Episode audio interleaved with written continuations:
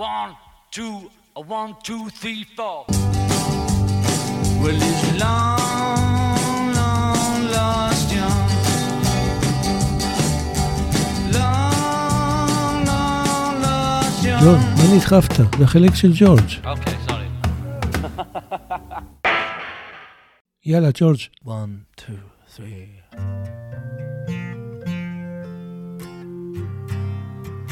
It's been a long רגע, רגע, חכה רגע, ג'ורג'. לפני שנתחיל, אני רוצה להגיד משהו חשוב. הפרק הזה הוא לא סתם עוד פרק. זהו הפרק העשירי של הפודקאסט "לביטלס יש משהו להסתיר". ולרגל יום ההולדת העגול, הפרק הזה יהיה שונה מכל קודמיו וגם מאלה שיבואו אחריו. תוך כדי האזנה תגלו במה מדובר. בסדר, ג'ורג', עכשיו אתה יכול להתחיל.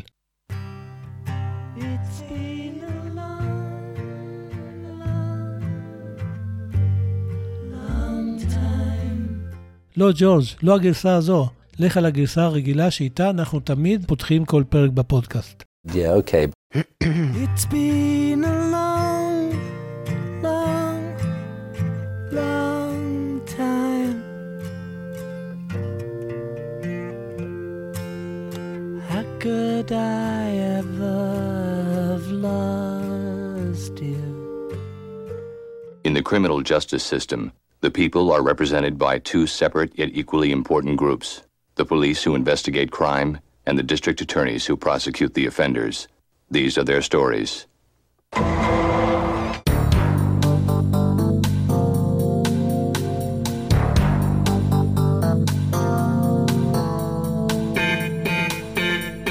הדלת בדירת השרד של הקומה האחרונה בבניין דקוטה נפרצה בצורה ברוטלית וסוכני FBI פרצו פנימה במהירות ועם אקדחים שלופים. אל נוכח המחזה הזה, יוקו אונו שחררה צרחה. ג'ון יצא מאחד החדרים שבדירה וניסה להרגיע את הרוחות, אך לשווא. הסיטואציה הזו הזכירה לו את זו שאליה נקלע באוקטובר 1968, כאשר נעצרו הוא ויוקו בדירה שבה התגוררו על החזקת 200 גרם של קנאביס. פתאום נזכר ג'ון בשון הקטן, הבן שלהם. הוא ביקש מהאומנת לגשת לחדר שלו ולסגור אחריה את הדלת עד שהכל יירגע. סוכני ה-FBI הקריאו בפני ג'ון את זכויותיו, עסקו אותו כשלידיו מאחורי הגב והובילו אותו למטה. המעריצים שעמדו כדרך קבע מחוץ לבניין נדהמו כשראו אותו מובל באזיקים אל תוך רכב השברולט השחור שמיד הפעיל את הצ'קלקה והסתלק במקום. ג'ון הבין שהסוכנים לא חיפשו סמים, הם בכלל לא הלכו חיפוש בבית, וטוב שכך. אבל עדיין הוא לא הבין מה הם רוצים ממנו, במיוחד עכשיו שניקסון כבר לא בשלטון ויש לו green card. באותו ערב ממש דפקו שוטרים בדלת של הסוויטה של מלון בברלי הילס הוטל. אותו מלון שבו הביטלס שהו במהלך סיבוב ההופעות שלהם בארצות הברית באוגוסט 1964. לינדה פתחה את הדלת וראשו של פול הציץ החוצה מחדר השינה. אנשי ה-FBI נכנסו פנימה די בנימוס, אבל בנחישות. פול חשב לעצמו, לא, לא עוד פעם, והתכוון לפעם ההיא, בחודש נובמבר 1960, שבה הוא ופיט בסט, מי שאז תופף עם הביטלס, נעצרו בעוון גרימת נזק בחדרון שבו התגוררו, מאחורי מסך של בית הקולנוע ברובע הזימה של המבורג. שוטרי ה-FBI הקריאו בפניו את זכויותיו, עסקו את ידיו והובילו אותו למטה לניידת שהמתינה בחוץ. אמנם חש פול הקלה על כך שהשוטרים לא שמו את ידיהם על הירוק ירוק שהיה לו במזוודה, אבל עדיין היה בלחץ גדול. רק שהתקשורת לא תעלה על זה, חשב, תוך כדי נסיעה בניידת. פתאום שם לב פול שהניידת נוסעת לשדה התעופה ולא לתחנת המשטרה, והבלבול שלו רק התעצם. באותו זמן, באנגליה, התקרב ג'ורג' עם מכוניתו לאחוזה שלו, פרייר פארק, אחרי יום של פגישות בלונדון. פתאום הבחין בניידת המשטרה שהמתינה לו על יד השער, ובמספר שוטרים שעמדו על ידה. האינסטינקט הראשון שלו היה לנסות להיזכר במהירות האם יש קנאביס בבית או במכונית. הוא עצר את רכבו, הוציא את ראשו מהחלון ושאל את השוטרים, האם הכל בסדר? אחד השוטרים שאל אותו, האם אתה ג'ורג' הריסון? ג'ורג' חייך וחשב לעצמו, בטח, כאילו שאתה לא מזהה אותי. אחרי שהשיב בחיוב, התבקש ג'ורג' לכבות את המנוע ולצאת מהרכב. אחד השוטרים הקריא את זכויותיו בעוז השני, תופס אותו בזרועו והוביל אותו לתוך הניידת. ג'ורג' הבין שהסתבך במשהו, וכל מה שהיה מסוגל לחשוב היה על אשתו ועל הבן שלהם דני. אחרי שהוכנס למושב האחורי של הניידת, זו הסתלקה מהר מהמקום, אך במקום לנסוע לתחנת המשטרה המקומית, היא פנתה לשדה התעופה היטרו. שם לתדהמתו הוא עלה למטוס בליווי שני אנשי משטרה בבגדים אזרחים. באותן שעות צפה רינגו בטלוויזיה בדירת הפאר שלו בלוס אנג'לס, תוך שהוא לוגם להנאתו מכוס הוויסקי שלו. רינגו נהנה מהשקט כאשר פתאום צלצל האינטרקום. מי זה יכול להיות? שאלה ברברה, אשתו, מחדר השינה. לרינגו לא היה מושג, שכן הוא לא ציפה לאורחים באותו ערב. עוזרת הבית שניגשה למכשיר האינטרקום אמרה, אדוני, השוער למטה הודיע ששני אנשי FBI עולים במעלית לדירה. אנשי FBI, אמר רינגו, תוך שפניו מלבינים מדאגה. איפה הוויד? שאל, והעוזרת הבטיחה לו שהוא במחבור הרגיל, שם אין סיכוי שיימצא. הפעמון צלצל בדלת, ורינגו נעמד מצפה לבאות. העוזרת פתחה את הדלת, ושני גברים חסונים נכנסו פנימה. הם הציגו לרינגו את התעודות שלהם, הקריאו לו את זכויותיו, עסקו אותו בידיו, והובילו אותו החוצה. רינגו הספיק לסובב את הראש ולהגיד לברברה ההמומה, תתקשרי לעורך הדין לפני שהוכנס למעלית.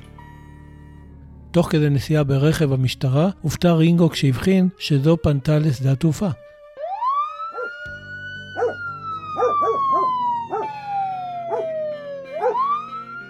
וכך הובאו ג'ון, פול, ג'ורג' ורינגו אל אותו חדר חקירות קטן ומצחין באחד המרתפים של FBI, אי שם בארצות הברית. כשנכנס החוקר גדול המימדים, שאלו הארבעה כמעט במקהלה, מה אנחנו עושים פה? במה אנחנו חשודים? החוקר הסתכל עליהם אחד-אחד, לקח את הזמן, וגם שחטה מהסיגריה שלו, ואמר להם, לא הייתי מאמין שאראה את ארבעתכם אי פעם. אני מעריץ גדול של הביטלס. אבל זה לא משנה עכשיו, אתם חשודים בגניבה. בגניבה? שאלו הארבעה שוב כמעט במקהלה. והחוקר חייך חיוך קטן ואמר להם, כן, בגניבה מוזיקלית, ולא אחת, הרבה ולאורך כל הקריירה שלכם. חברים, נראה שחציתם את הקו האדום. Paul's broken at last, broken at last, Paul's broken at last, at last, at last, he's broke today.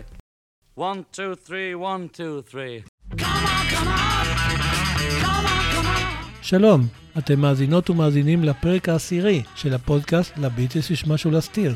בפודקאסט הזה אני דן בסוגיות הקשורות לסיפור הביטלס דרך האישיות, הרצונות, החולשות או ההחלטות של אחד מחברי הלהקה או של כולם. ובסוף אני שואל מה אם לא משהו, ואיך זה היה משפיע על מה שקרה ובכלל על סיפור הביטלס. דרך השאלה הזו אני מציע זווית שונה לבחון את סיפור הלהקה החשובה בעולם ונקודות חדשות למחשבה לגביה. ועל הדרך, אני גם ממליץ על ספר שקשור לנושא הפרק, מתוך הספרייה הפרטית שלי, ומשמיע שיר שעושה לי את זה וקשור גם הוא לנושא הפרק. בפרק המיוחד הזה נעסוק בסיפור שכמעט ולא סופר, והוא המוזיקה שהביטלס לקחו מאחרים. ברור שלהקת הביטלס השפיעה על דורות של מוזיקאים, בעצם עד היום, ואנחנו מכירים מקרים שבהם מוזיקאים לקחו מהביטלס קטעים מהשירים שלהם. למשל השיר The Killing of Georgie של רוס סטיוורט.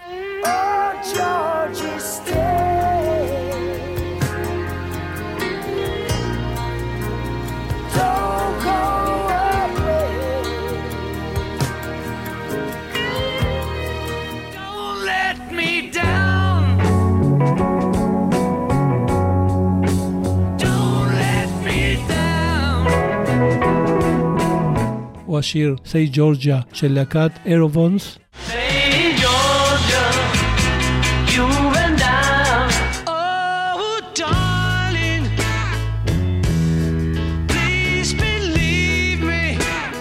אבל האם זה היה גם בכיוון ההפוך?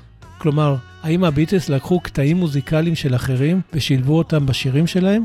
ואם הם עשו את זה, האם זה היה לגיטימי או לא? ואם לא, עד כמה הם חצו את הקו האדום בין המותר לאסור? הגיע הזמן שנבחן את השאלות הללו, גם אם הסצנה שהובילה את ג'ון, פול, ג'ורג' ורינגו למרתפי ה-FBI לא באמת קרתה. אז יאללה, בואו נתחיל.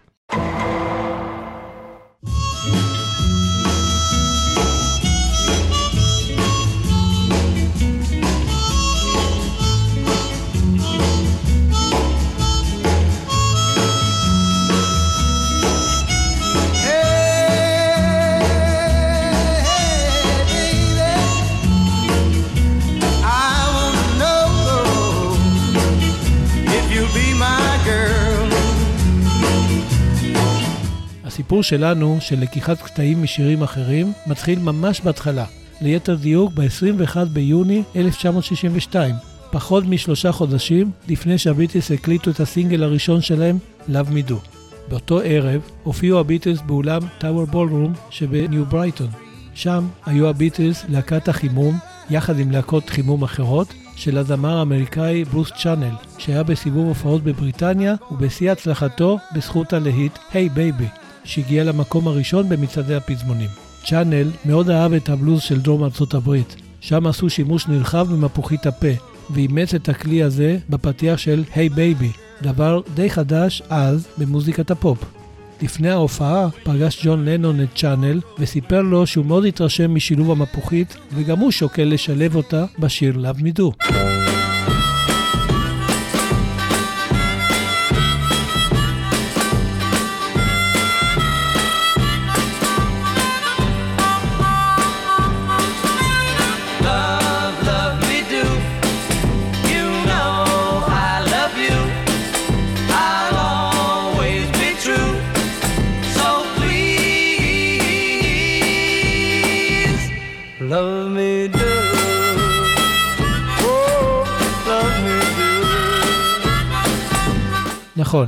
המקרה הזה הוא מקרה של השפעה מוזיקלית ולא יותר. וזה דבר די לגיטימי, גם אם ישנו דמיון רב בנגינת המפוחית בשני השירים.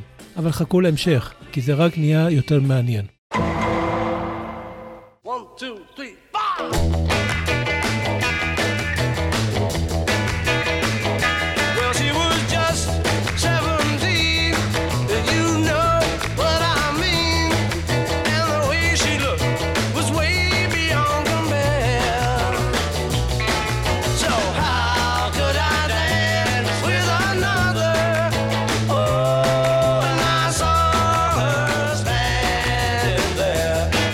כחצי שנה אחרי הסינגל הראשון, יצא האלבום הראשון של הביטלס, Please Please Me, והשיר הפותח את האלבום הוא I saw her standing there של פול. כידוע, אחד הזמרים שהשפיעו הכי הרבה על הביטלס היה הזמר האמריקאי צ'ק ברי. הביטלס ביצעו גרסאות כיסוי לשיריו, למשל Johnny B. Goode, Memphis, Tennessee, Sweet Little 16 ועוד. והיה עוד אחד, השיר I'm Talking About You. ואיך הוא קשור לשיר I saw her standing there? בואו נאזין רגע לנגינת הבאס של פול, שלקוחה בדיוק מזו שבשיר I'm Talking About You של צ'ק ברי. בואו נקשיב.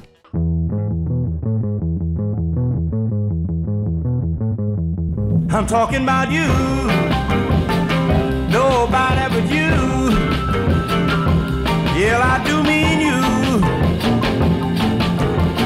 I'm just trying to get a message to you. פול הכיר מאוד טוב את נגינת הבאס של השיר I'm Talking About You, כי הביטלס ביצעו לו גרסת כיסוי די קרובה לגרסה המקורית. הנה.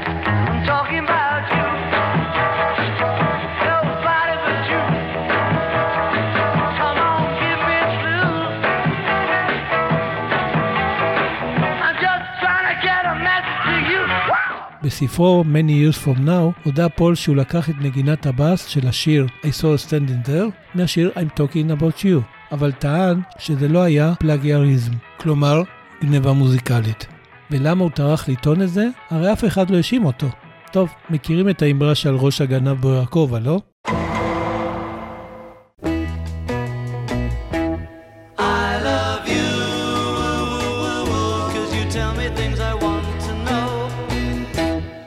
אומנים נוספים שהשפיעו על הביטלס, חוץ מחלוצי רול, כמו צ'ק ברי ואחרים, היו אומני המאטאון.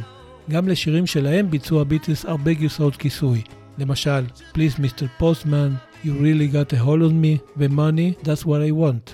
עוד אחד כזה היה השיר What's So Good About Goodbye של להקת סמוקי רובינסון and the Miracles, אשר שימש עבורם מקור השראה, או אולי יותר מזה, עבור אחד השירים שלהם. הפעם זה לא היה נגינת הבאס, מה שהם לקחו מהשיר הזה, אלא נגינת גיטרת הקצב, שאותו ביצעו בדיוק בשיר Ask Me Why, שגם הוא באלבום Please Please Me. כלומר, הפעם הלקחן לא היה פול, אלא ג'ון. בואו נקשיב.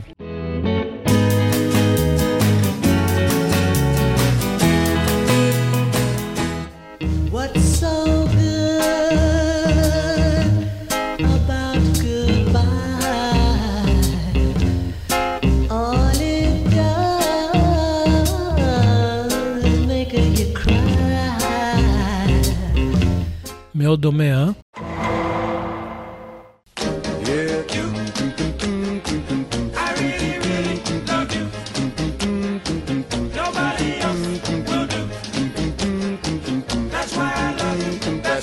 להקה נוספת מבית מטאון שהביטלס אהבו הייתה להקת The Stereos. ואנחנו עכשיו שומעים ברקע את השיר I Really Love You, שבשנת 1961 הפך ללהיט גדול. וראו זה פלא, המבנה המוזיקלי של השיר הזה מאוד מזכיר את המבנה המוזיקלי של השיר Do You Want to Know a Secret של ג'ון, שגם הוא באלבום Please Please Me. Do you want to know a secret? Do you promise not to tell? Whoa, whoa, closer. מעניין לציין שג'ורג' הריסון, ששר את השיר Do You Want to Know a Secret, ביצע בשנת 1982 את השיר I Really Love You של The Stereos. איפה? באלבום שלו, גן טרופו. ואני תוהה, אולי הוא עשה את זה כפיצוי אחרי שהרגיש חוסר נעימות מהדמיון הרב מדי בין שני השירים? שאלה טובה, לא? אז בזמן שחושבים עליה, בואו נקשיב לגרסה של ג'ורג'. I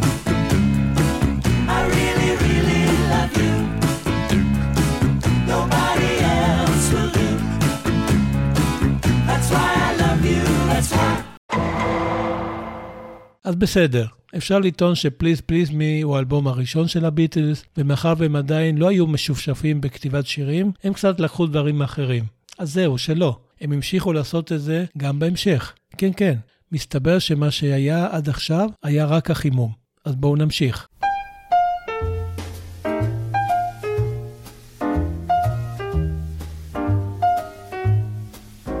מה שאנחנו שומעים עכשיו ברקע הוא קטע ג'אז בשם קזיס וולס, שהקליטה רביעיית הג'אז האמריקאית המפורסמת, The Dave Brubeck Quartet. בואו נמשיך להאזין לקטע הזה ותשימו לב לתווים שבוודאי יישמעו לכם מוכרים.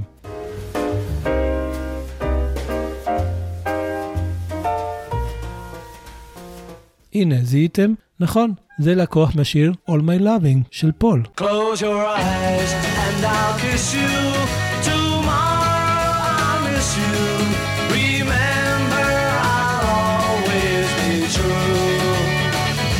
אבל זה לא ממש מפתיע, כי יש הרבה מאוד דוגמאות של קטעים מוזיקליים שאחרים לקחו מהשירים של הביטלס לתוך השירים שלהם. ושניים השמעתי בתחילת הפרק. אז זהו, שהשיר All My Loving יצא בשנת 1963, ואילו קזיס וולס יצא כשלוש שנים קודם. כן, כן, הרבה לפני שפול כתב את All My Loving. ואם נחשוב על זה שפול היה חובב של מוזיקה ג'אז בהשפעת אביו, שהייתה לו להקה בשם ג'ים מקס ג'אז בן, כמו שסיפרתי בפרק 6, זוכרים? מה אם מחר תמיד ידע? אז זה לא ממש מפתיע. שובב הפול הזה, לא? שובב ומעתיקן. Well, you know, מכירים את האמרה שאומרת הגונב מגנב פטור? תזכרו אותה כי היא רלוונטית מאוד במקרה הזה. בשנת 1959 הוציא ריי צ'ארלס את השיר What I Say, ובו ריף פסנתר מאוד ייחודי. הנה בואו נשמע במה מדובר.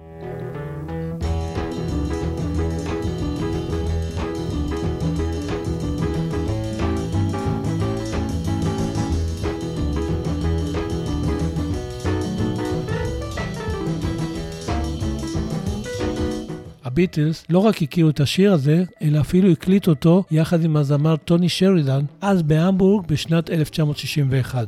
הנה, בואו נאזין לזה.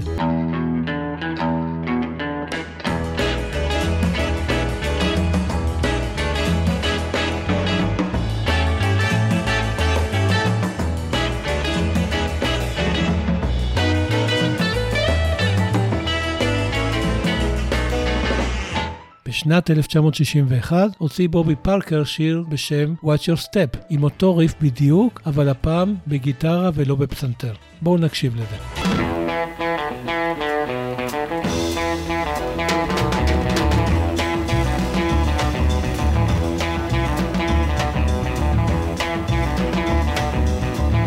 ואילו בשנת 1964 הוציאו הביטלס את השיר I Feel Fine עם ריף גיטרה שלא משאיר מקום לספק מהו המקור שלו. הנה.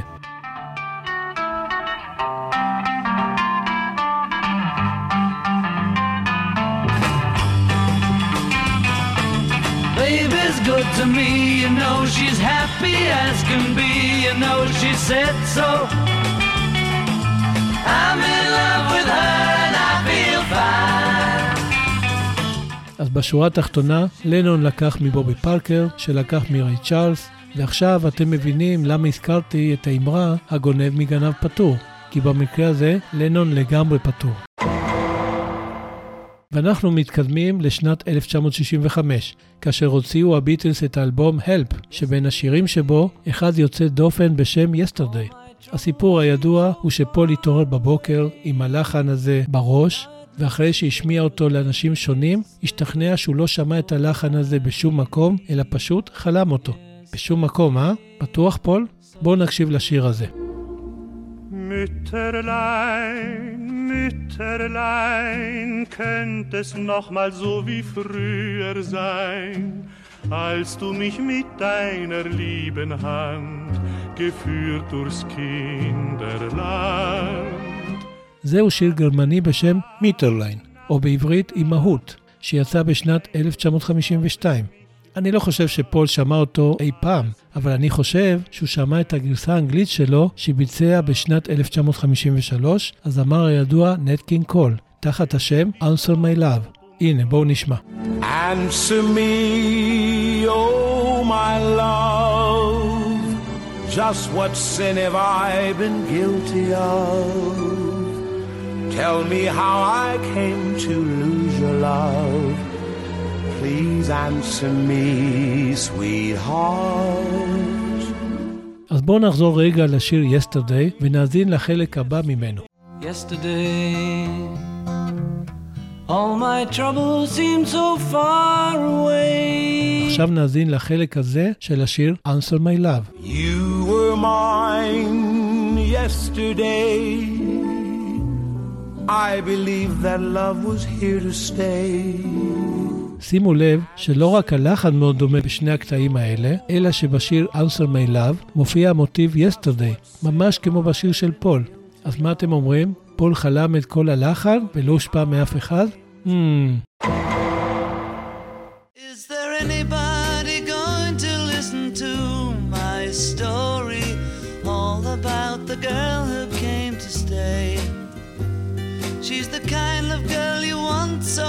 much it makes you sorry.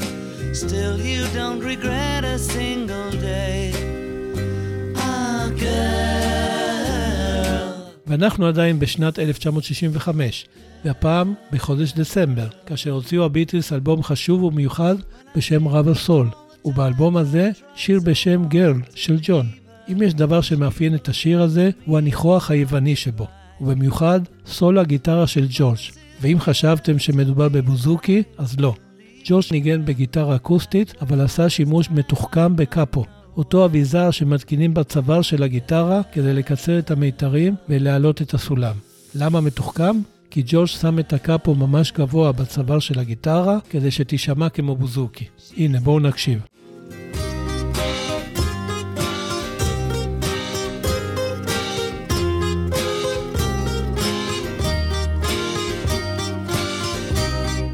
ועכשיו תגידו את האמת. נכון שאי אפשר להתכחש לעובדה שהקטע הזה מזכיר לנו מאוד, עם דגש על המילה מאוד, את הקטע המוזיקלי המפורסם של מיקיס תיאודורקיס, Zorba's Dance, שהתפרסם ב-1964 בזכות הסרט זורבה היווני.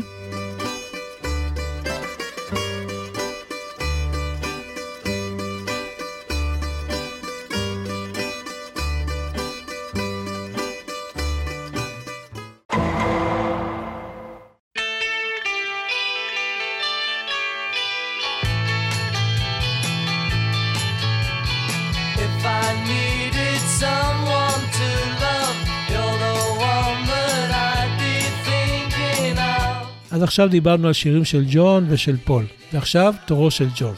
באלבום Rubber Soul ישנו שיר יפהפה שכתב ג'ורג' בשם If I Needed Someone. והשיר הזה, תאמינו או לא, קשור לשיר The Bells of Rhymney של פיט סיגר משנת 1958. בואו נשמע קטע ממנו. Oh, what will you give me? Say the sad bells of Rhymney. טוב, ברור שאין כאן קשר בין שני השירים, אלא שהתכוונתי לגרסה אחרת של השיר The Bells of Rimney, זו שביצעה להקת The Birds, חצי שנה לפני שהקליטו הביטלס את השיר If I Needed Someone. בואו נשמע.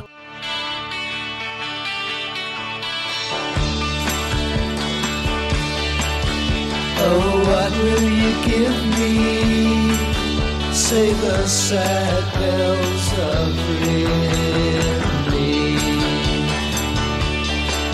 בגרסה של The Birds בולטת מאוד נגינת הגיטרה מסוג ריקנבקר בעלת 12 מיתרים, ובשיר If I Needed Someone בולטת מאוד אותה נגינה של אותו סוג של גיטרה עם אותו ריף.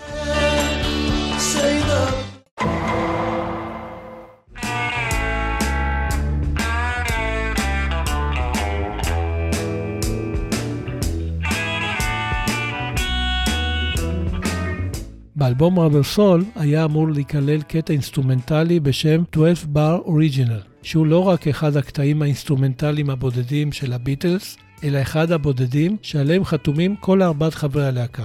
הקטע הזה לא נכלל בסופו של דבר באלבום Rubber Soul, אלא המתין 31 שנה עד שיצא בחלק השני של פרויקט האנתולוגיה של הביטלס. מה שעוד יותר מעניין הוא שהקטע הזה דומה מאוד, אבל ממש מאוד, כלומר ממש ממש ממש מאוד, לקטע אינסטרומנטלי מאוד מפורסם של הרכב בוקר טי and the MG's בשם Green Onions, שיצא בשנת 1962. בואו נשמע.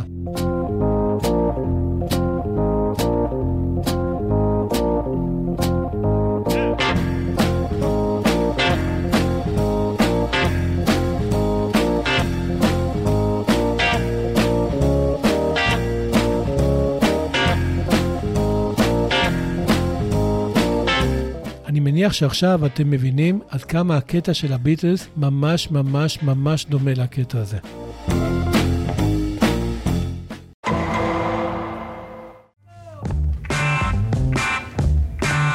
Let me tell you how it will be. There's one for you, 19 for me. Cause I'm the tax man.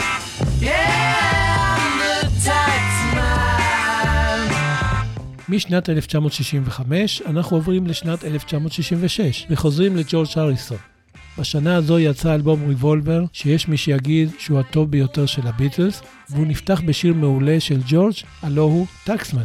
זהו שיר מחאה כנגד מערכת המס הדרקונית של בריטניה באותם הימים.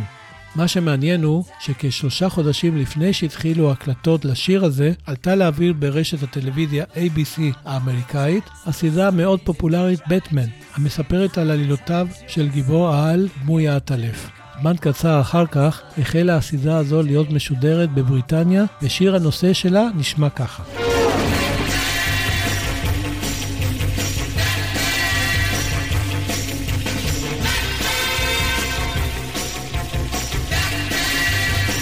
טוב, זה כבר ממש ממש דומה. הקריאה טקסמן בשיר של ג'ורג' היא ממש כמו הקריאה בטמן בשיר של הסדרה.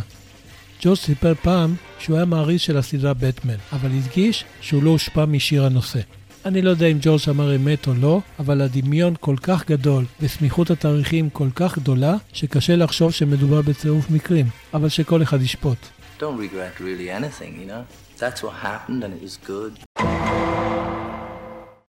you.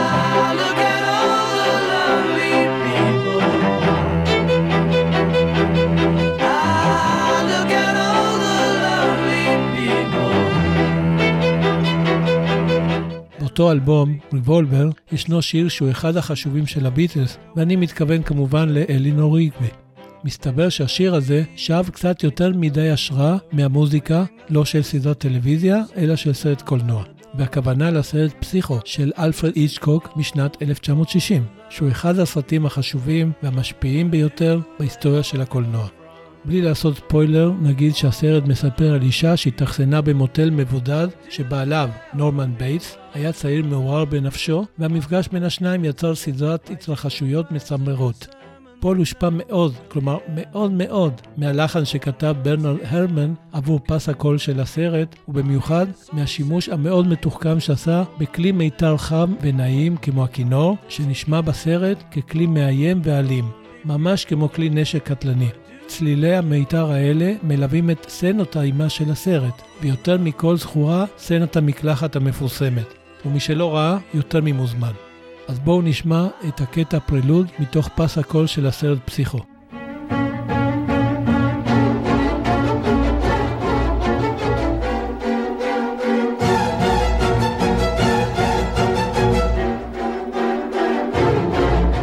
ועכשיו נשמע את המיתרים בשיר אלינור ריגבי.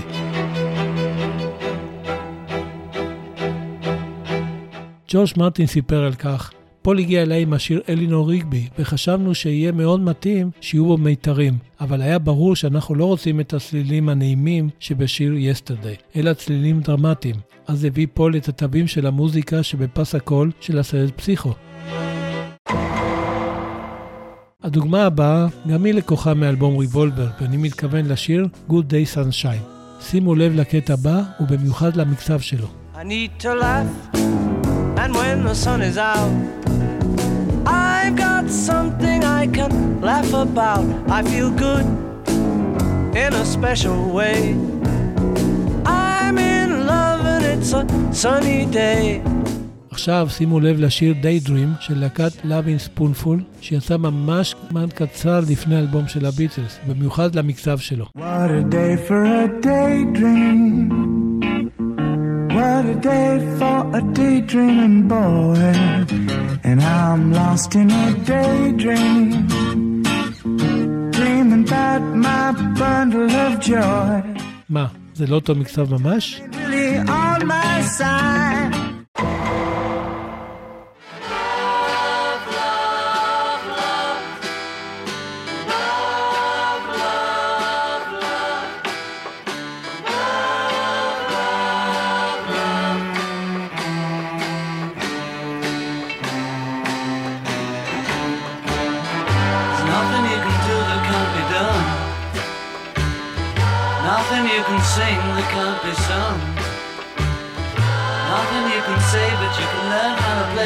אחד השירים המזוהים ביותר עם להקת הביטלס הוא השיר All You Need Is Love, שהושמע לראשונה ביוני 1967 במסגרת השידור הטלוויזיוני הראשון ששודר בשידור חי באמצעות לוויין.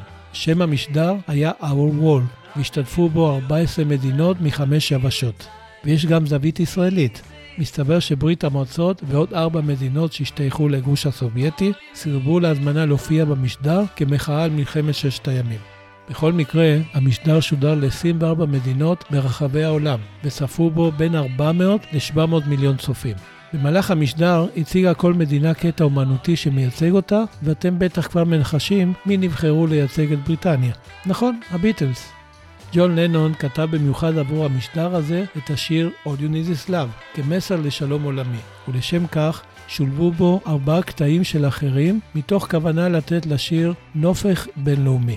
הקטע הראשון בא מהשיר למרסייז, ההמנון הצרפתי שכתב קלוז ג'וזף רוז'ה דליל.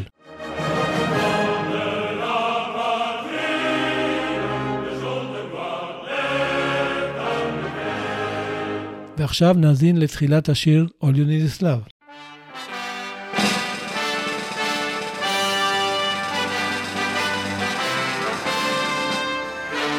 אגב, הבחירה בהמנון הצרפתי מאוד מוזרה, כי בעוד שהשיר All You Need Is Love מדבר על אהבה כעל צורך אוניברסלי, ההמנון הצרפתי קורא דווקא לצאת לקרב למען המולדת. בכל מקרה, הקטע השני הוא Invention No. 8 in F Major, שכתב ג'והאן סבסטיאן באך. עכשיו נאזין לקטע הבא בשיר All You Need Is Love.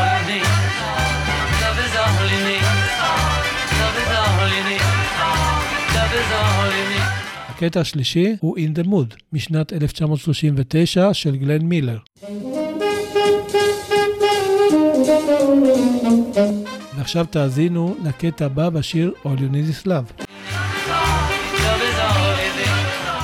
והקטע האחרון הוא Greensleeves, שהלחין המלך הנרי השמיני.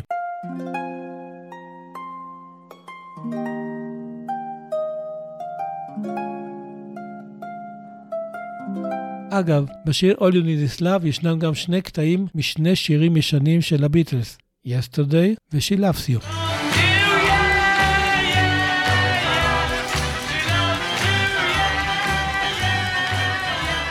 אבל אלה שירים שלהם, ולכן אי אפשר להגיד שהם לקחו אותם מאחרים.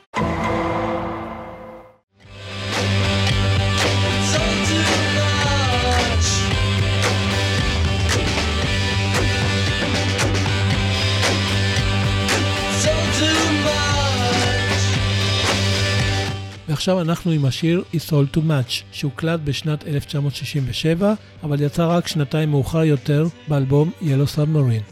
אבל קודם נלך ממש אחורה בזמן, לשנת 1700, כאשר המלחין ג'רמיה קלארק הלחין את היצירה Prince of Denmark's March, ותקשיבו לקטע הבא מתוכו.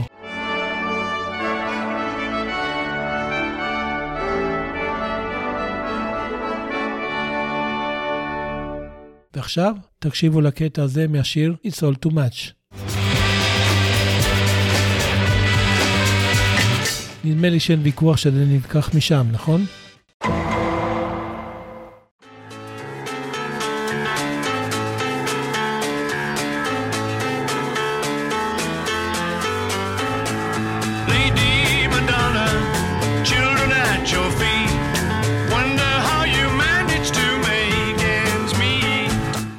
ומשנת 1967 אנחנו ממשיכים לשנת 1968 עם השיר "Lady Madonna" של פול. השיר הזה מאופיין בפתיח של קטע פסנתר מאוד ג'אזי, שהוא כאמור ז'אנר חביב על פול. ועכשיו נלך אחורה אל שנת 1956, אל קטע ג'אז אינסטרומנטלי של המפרי ליטלטון, בשם Bad Penny Blues.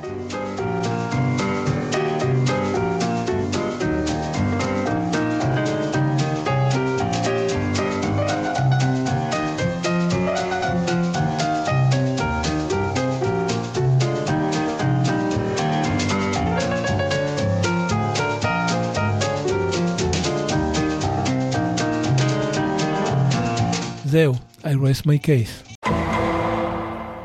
ועכשיו אנחנו הולכים לדבר על השיר Revolution של ג'ון.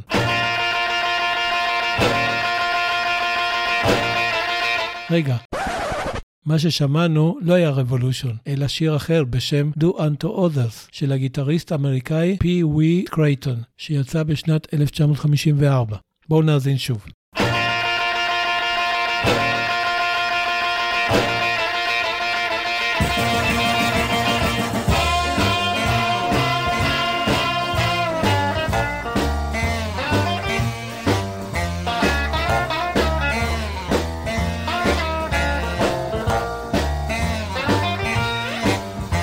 They say, Do unto others as you would have them do unto you. They say, Do unto others as you would have them do unto you. ועכשיו נאזין ל-Revolution.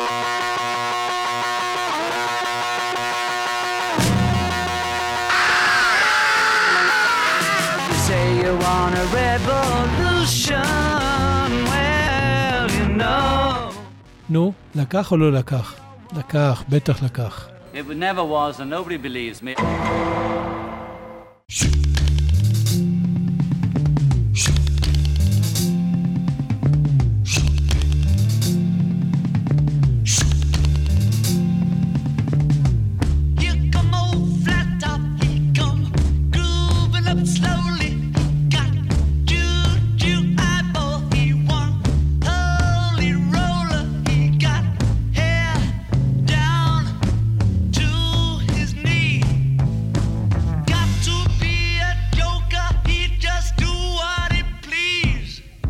כאן יש לנו מקרה די מוכר, והוא תכלס מקרה של פגליאריזם, ועל כך אין ויכוח. השיר Come Together פותח את האלבום האחרון של הביטלס, אבי רוד, ויש מי שיגידו שהוא הטוב ביותר שלהם, ואני ביניהם. זהו שיר מצוין של ג'ון, אלא שבשנת 1956 יצא שיר מצוין אחר, של ג'ק ברי, ששמו You Can Catch Me.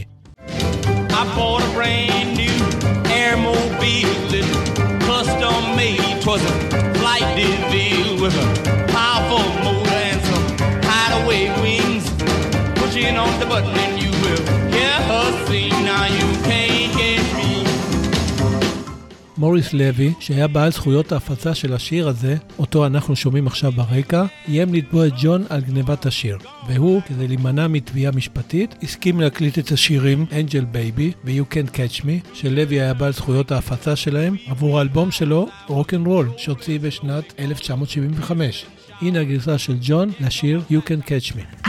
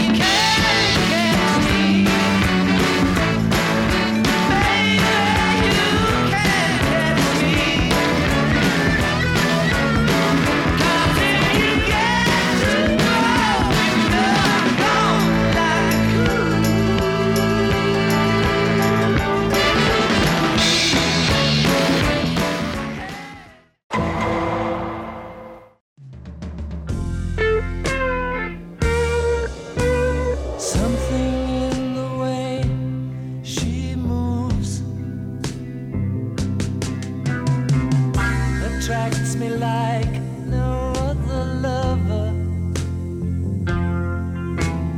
Something in the way she woos me. שיר נוסף של האלבום אבי רוד הוא השיר הנהדר Something של ג'ורג'. השורה הפותחת את השיר אומרת Something in the way she moves והיא נלקחה משיר של ג'יימס טיילור ששמו, כן, Something in the way she moves, שיצא שנה קודם.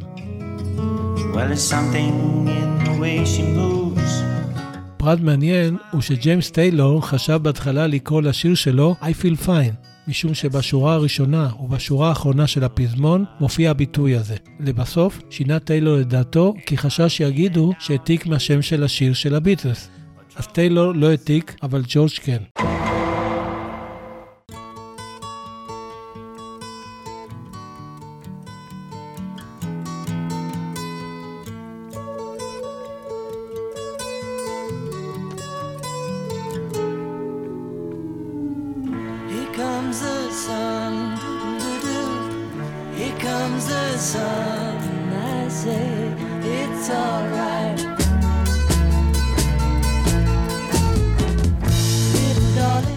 נוסף של ג'ורג' מאלבום אבי רוד הוא Here Comes the Sun. בשיר הזה יש גשר שמאוד מזכיר את זה שבשיר בדג' של להקת קרים, וזה לא במקרה. שנה קודם, כשאריק קלפטון הגיע לאולפני EMI כדי להקליט את סולו הגיטרה של השיר While My Guitar Gently Weeps, הוא כתב עם ג'ורג' את השיר בדג', ותוך כדי אילתר קלפטון בגיטרה שלו את האקורדים שהפכו לגשר של השיר. ג'ורג' מאוד אהב את מה ששמע, ואימץ אותו כמו שהוא כגשר של השיר Here Comes the Sun. בואו נשמע את הגשר של שני השירים. קודם של Here Comes the Sun,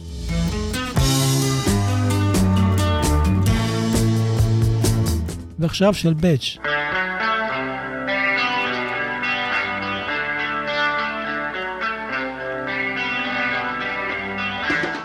ג'ורג' לקח את הגשר מקלפטון, וקלפטון לקח מג'ורג' את בת הזוג שלו. סליחה, סליחה, לא יכולתי להתאפק מלהגיד את זה.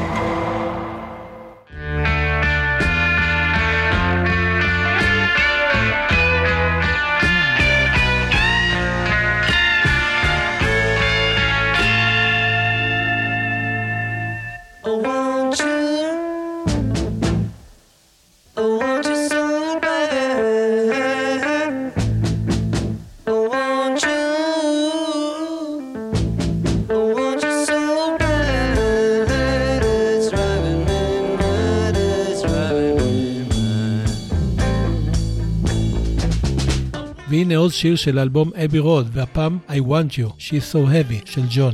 השיר הזה מאוד מאוד הושפע מהשיר Coming Home Baby של מל תורמה משנת 1962. בואו נקשיב לו.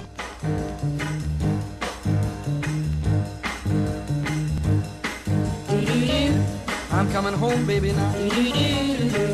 I'm coming home now, right away. I'm coming home, baby, now.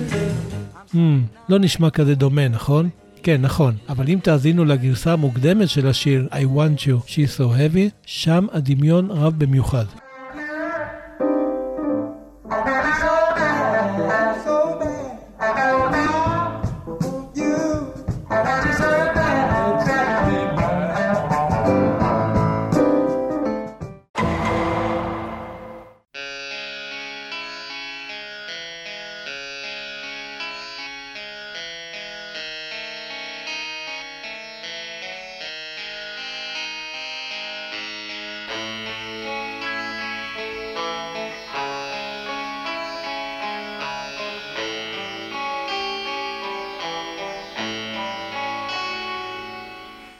פעם סיפר ג'ון שיום אחד שמע את יוקו מנגנת בפסנתר את סונטת אור ירח של לודוויג ואן בטהובן. הוא ביקש ממנה לנגן את התווים בסדר הפוך. סביב מה ששמע, כתב את Because שבאלבום אבי רוד. אז הנה סונטת אור ירח,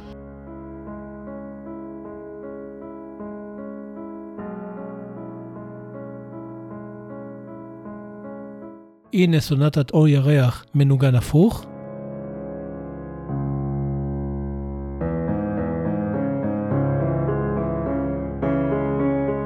והנה ביקוז.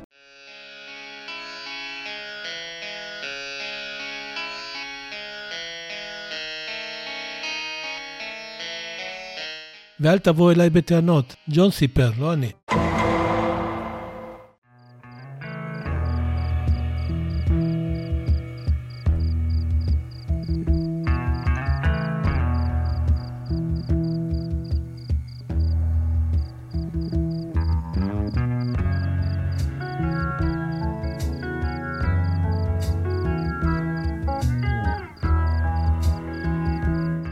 הפתיח של השיר Sun King, גם הוא מתוך האלבום Abbey Road, מאוד דומה, ממש אחד לאחד, לקטע אינסטרומנטלי Albatross של להקת פליטווד מק משנת 1968. וזה לא רק אני אומר, גם ג'ורג' וגם ג'ון אמרו את זה. הנה מה שג'ורג' סיפר. באותה תקופה יצא Albatross, ואז אמרנו, בואו נהיה פליטווד מק, מנגנים את ה Albatross. והנה מה שג'ון סיפר. זה היינו אנחנו מעמידים פנים שאנחנו פליטווד מק. אז הנה Albatross של פליטווד מק.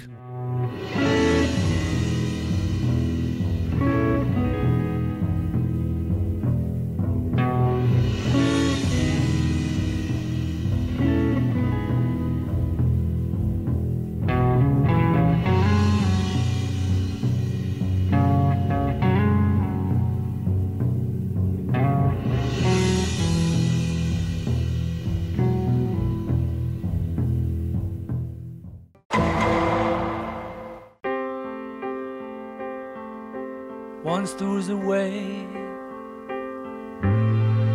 to get back homeward.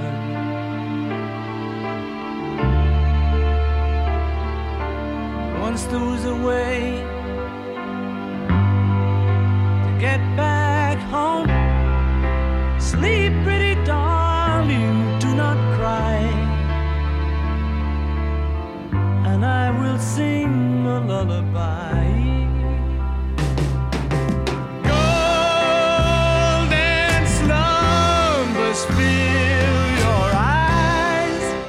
המקרה של Golden Slumbers, כן, גם הוא מתוך Abbey Road, הוא אולי המפורסם מכולם.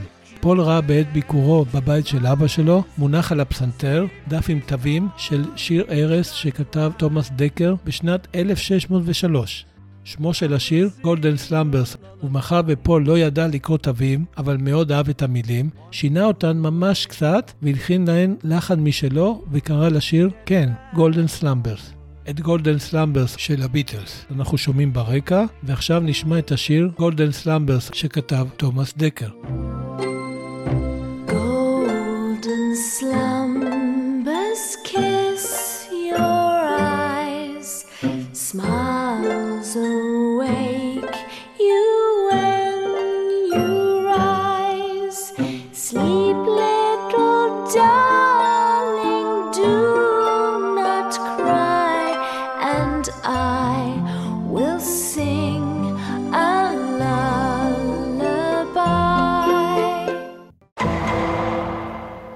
ונסיים את האלבום Abbey Road עם השיר המסיים, The End. כאשר ביקש פול מרינגו לבצע קטע סולו של תופים עבור השיר הזה, רינגו לא אהב את הרעיון. הוא מעולם לא ביצע קטעי סולו של תופים, וזה לא היה כוס התה שלו. אבל כשפול לחץ, נזכר רינגו בקטע סולו של תופים של רון בושי, המתופף של הלהקה המצליחה איירון בטרפליי. קטע סולו התופים הזה בוצע בלהיט שלהם מהשנה הקודמת, In-A-Gadda-Da-Vida. ומי שהסיפור הזה נשמע לו מוכר, זה בגלל שסיפרתי עליו בפרק 8 של הפודקאסט, לביטס יש משהו להסתיר. זוכרים? מה אם רינגו לא היה גרידי? ומי שרוצה להיזכר או עדיין לא שמע, אז הנה סולו התופים של רינגו.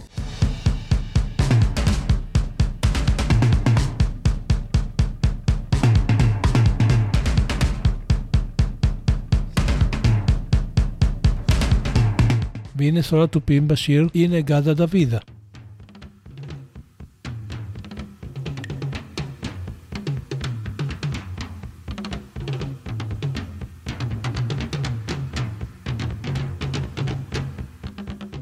כמעט אחד לאחד, אה? Well, it was part of the life. Her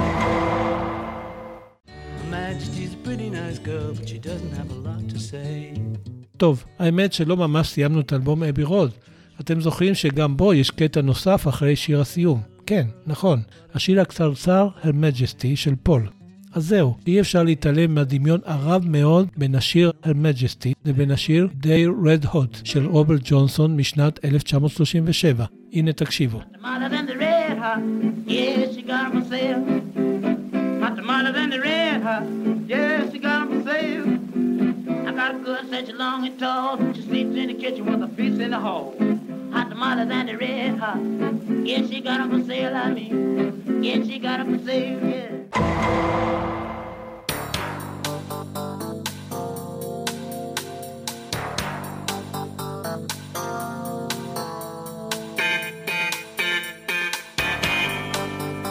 אז האלבום אבי רוד הוא האחרון של הביטלס, אבל המנהג לקחת מדי פעם קטעים של אחרים לא פסק. אבל אני לא רוצה להיכנס לזה עכשיו, כי אני מעדיף לדבר על קריירות הסולו שלהם לקראת סוף הפרק. אז זהו, שמעתם עכשיו את כתב האישום המלא, ונשאלת השאלה, מה אם הביטלס חצו כאן את הקו האדום, או מספר קווים אדומים? כלומר, האם הם לקחו או לא לקחו מאחרים בלי לבקש רשות, כמו שהילדים אומרים. אז מה פסק הדין? האם הביטלס העתיקו, לקחו, גנבו, או פשוט הושפעו? כמובן שאני לא מתכוון למקרה של Something ו Golden Slumbers, כי לקחת שם או מילים משיר אחר זה נחשב לגיטימי. ואני לא מדבר על Come Together, כי זה היה מקרה של פלגיאריזם פר אקסלנס. אבל מה עם כל היתר? אז קודם כל, נגיד בצורה הברורה ביותר שהביטלס היו מוזיקאים גאונים, יצירתיים וחדשניים. והיצירתיות שלהם כל כך בערה בעצמותיהם, שהם יצרו בכל אלבום, ולפעמים בכל שיר, משהו שונה, משהו שלא נעשה קודם. ברור שבכל פרץ היצירה הזה, הביטלס הושפעו מהמון סגנונות, זמרים, להקות וגם משירים. וזה בסדר גמור להיות מושפע מאחרים, אבל השאלה היא, האם הם לפעמים חצו את הקו? אני לא מוזיקולוג ואני לא מוסמך לקבוע חד משמעית מתי מדובר בהשפעה לגיטימית ומתי מדובר בפגליאריזם, או מתי במשהו שנמצא איפשהו במנעד ביניהם. יש מקרים שברור שמדובר בהשפעה לגיטימית, כמו במקרה שבו ג'ון הפך את התווים של היצירה של באך, אבל שמענו עכשיו די הרבה מקרים שבהם זה נשמע קצת או הרבה מעבר לכך. אז אני מעדיף להשאיר לכל אחד מכם את התשובה לשאלה הזו, האם הביטלס חצו את הקו האדום. מה שאותי מפתיע הוא עד כמה כמעט ולא מדברים על זה. אבל נדמה לי שהיום, אחרי 50 ו-60 שנה, הגיע הזמן לדבר על כך. ולקראת הסוף, הבטחתי להתייחס לדברים שחברי הביטלס לקחו מאחרים בתקופת קריירת הסולו שלהם. אבל במחשבה שנייה, אני חושב שאוותר. הרי אם הייתי מדבר על קריירות הסולו, הייתי צריך לספר על השיר My Sweet Lord, שבעקבותיו נקבע שג'ורג' גנב את המנגינה מהשיר He's So Fine של להקת The Chiffons. My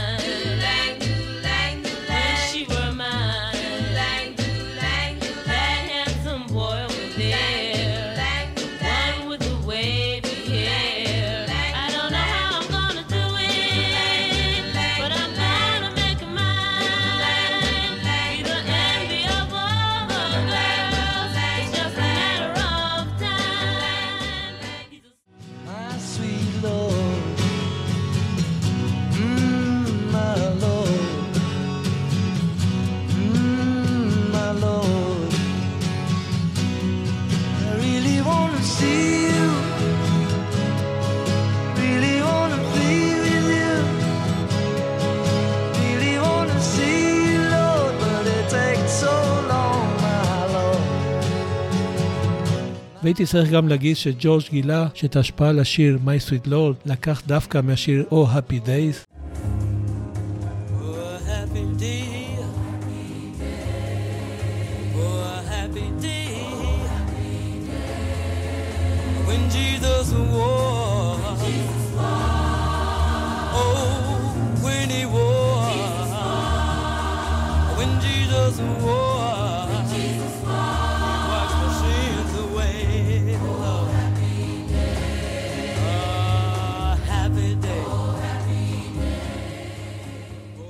והייתי צריך גם לדבר על השיר Going Down to Golders Green של ג'ורג', שלא הוציא אותו אף פעם, אולי מחשש לתביעה נוספת, על רקע הדמיון הרב מדי לשיר Baby Let's Play House.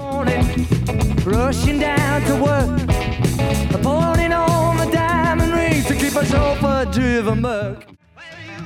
go to college, you may go to school. You may have a pink Cadillac, but don't you be. והייתי חייב לספר גם על השיר It's Johnny's Birthday שכתב ג'ורג' לכבוד יום הולדתו ה-30 של ג'ון, שהיה ממש זהה, השיר, לא ג'ון, ללחן של השיר Congratulations, ולכן עמד ג'ורג' בפני איומים להיתבע על כך. Congratulations and celebrations when I tell everyone that you're in love with me. Congratulations and jubilations. I want the world to know I'm happy as can be. וכמובן הייתי צריך להגיד משהו על השיר Creeper Inside של ג'ון, שהיה ממש ממש ממש דומה לשיר Black Dog Blues של בייס רוז, שיר שאפילו ג'ון ביצע לו גרסת כיסוי בפרויקט גט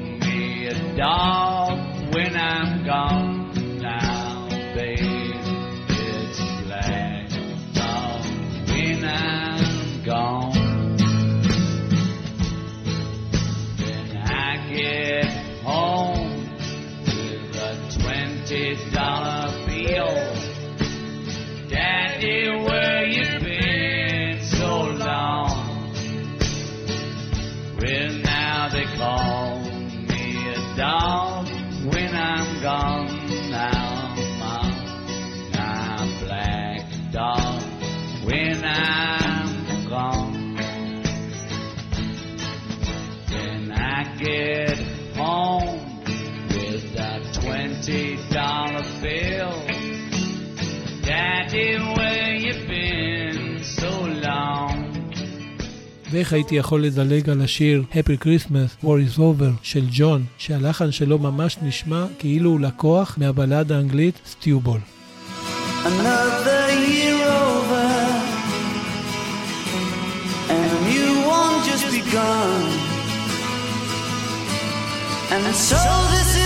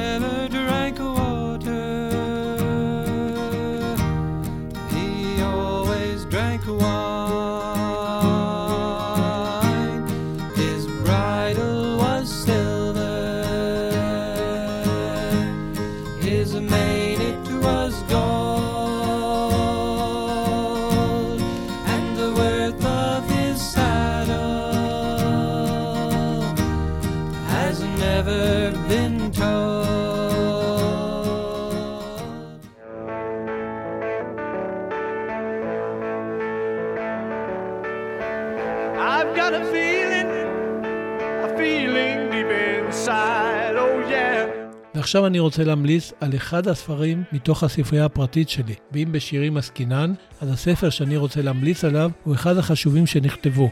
שמו Revolution in the Head, The Beatles Records and the 60's, של מבקר המוזיקה יאן מקדונלד. הספר הזה יצא בשנת 1994, ובו דן מקדונלד במוזיקה של הביטלס ובמה שקרה בתוך הלהקה, והכל בהקשר ישיר להתפתחויות התרבותיות של שנות ה-60 המרתקות. הספר סוקר 241 שירים שהקליטו הביטלס מהראשון ועד האחרון, כלומר מההקלטה החובבנית שלהם בשנת 1958, זו שעליה דיברתי בפרק 4 של הפודקאסט, זוכרים? מה אם פול לא היה פרויקטור של הביטלס? ועד ההקלטות שבוצעו באמצע שנות ה-90 עבור פרויקט אנתולוגיה. ספר מומלץ ביותר. ולפני שנשמע את השיר שבחרתי לסיים איתו את הפרק המיוחד הזה, פרק 10, אני רוצה להזמין אתכן ואתכם לבקר באתר האינטרנט שלי, האמת מאחורי הביטלס. פשוט תקישו beatles.org.il ואתם שם. המידע שבו מגוון, איכותי וייחודי, ושוטטות באתר היא ממש חוויה לכל מי שאוהב את הביטלס. ויש לי תחושה שאתם כאלה. Seriously? כן, כן. את התכנים שלי אפשר לקרוא גם בדף הפייסבוק שלי וגם של קבוצות מובילות אחרות שעוסקות בביטלס ובמוזיקה, כמו הקבוצה של להקת המג'יקל באנד הנהדרת, רוקין טאון, הקבוצה של פורום תפוז, המיתולוגי, The Beatles Fans ועוד. אז תודה רבה שהאזנתם והאזנתם לפודקאסט לביטלס יש משהו להסתיר. תמשיכו לכתוב לי ולספר לי מה דעתכם, זה מאוד חשוב לי. ואם אתם אוהבים את לביטלס יש משהו להסתיר, תצביעו באתר פודקאסטים, וגם תספרו לחברים ולאהובים שלכם. אני הייתי גבי פישמן, ניפגש בפרק הבא, פרק 11, שבו נדון בהחלטה שהיא אולי הגורלית ביותר שקיבלו הביטלס אי פעם. מהי ההחלטה הזו? למה היא גורלית? מתי הם קיבלו אותה ולמה? מה יצא להם מזה? הכל בפרק הבא. אז השיר שבחרתי לסיים איתו את הפרק הזה הוא תוצאה של השפעה מוזיקלית, אבל לא על הביטלס, אלא של הביטלס, והכוונה לגרסת כיסוי של אחד השירים שלהם. אני בדרך כלל לא אוהב גרסאות כיסוי של שירים של הביטלס, כי תמיד מעדיף את המקור, אבל במקרה הזה, מה שעשה ג'ו קוקר הוא דבר נדיר, וגרסת הכיסוי שלו טובה והרבה מהמקור, לדעתי לפחות. וסליחה רינגו. Well, it's part of what I am. כן, נכון. ואני מתכוון ל- With a little help from my friends, ואני רוצה להשמיע לכם את הביצוע האלמותי של קוקר מ-17 באוקטובר 1969 על הבמה של פסטיבל ווסטוק האגדי. בואו נשמע אותו ונתענג עליו. ובינתיים, יאללה ביי. It was great. It was lovely. Peace and love.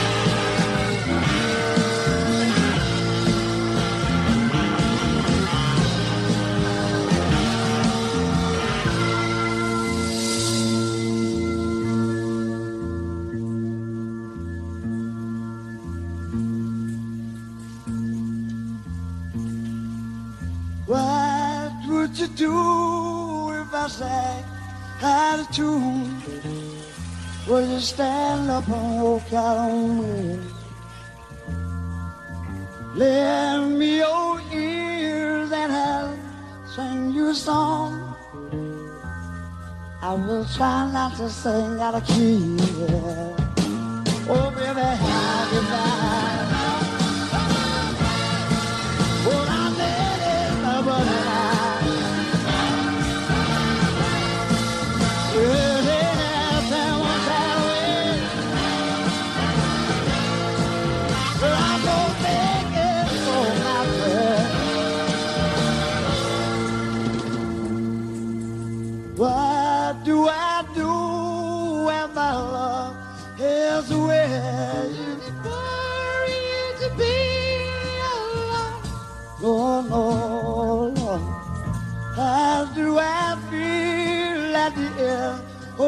to dare because you're on your own. I tell now you said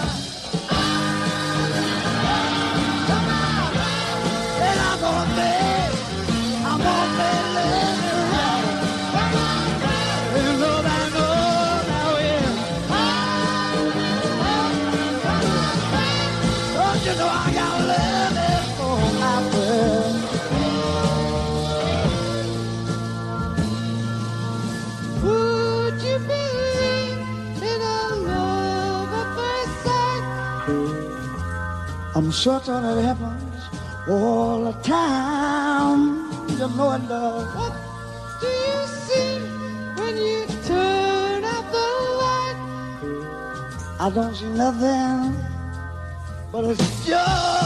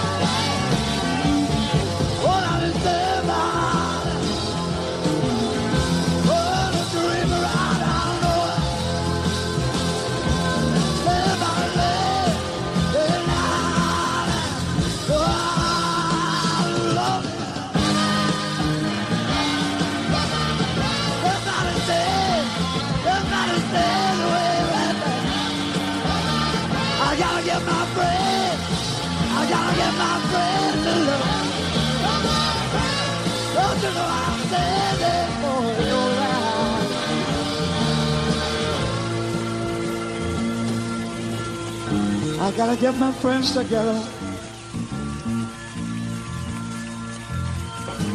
'Cause all we gotta do is love.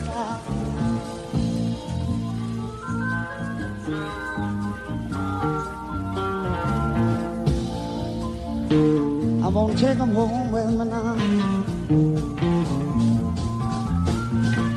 You gotta get of your friends. You gotta get hold of your friends.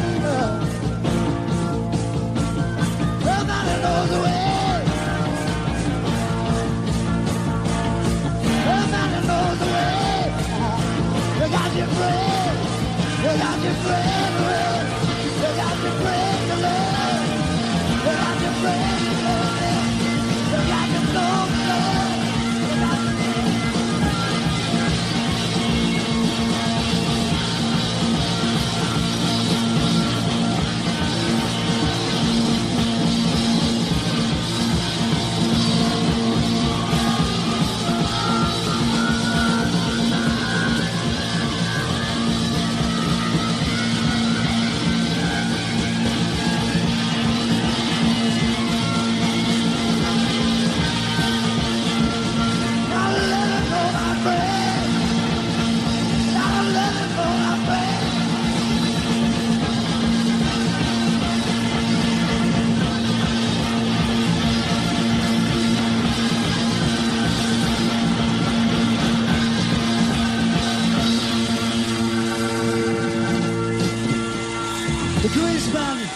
Myself, thank you very much indeed. See you again. Beautiful.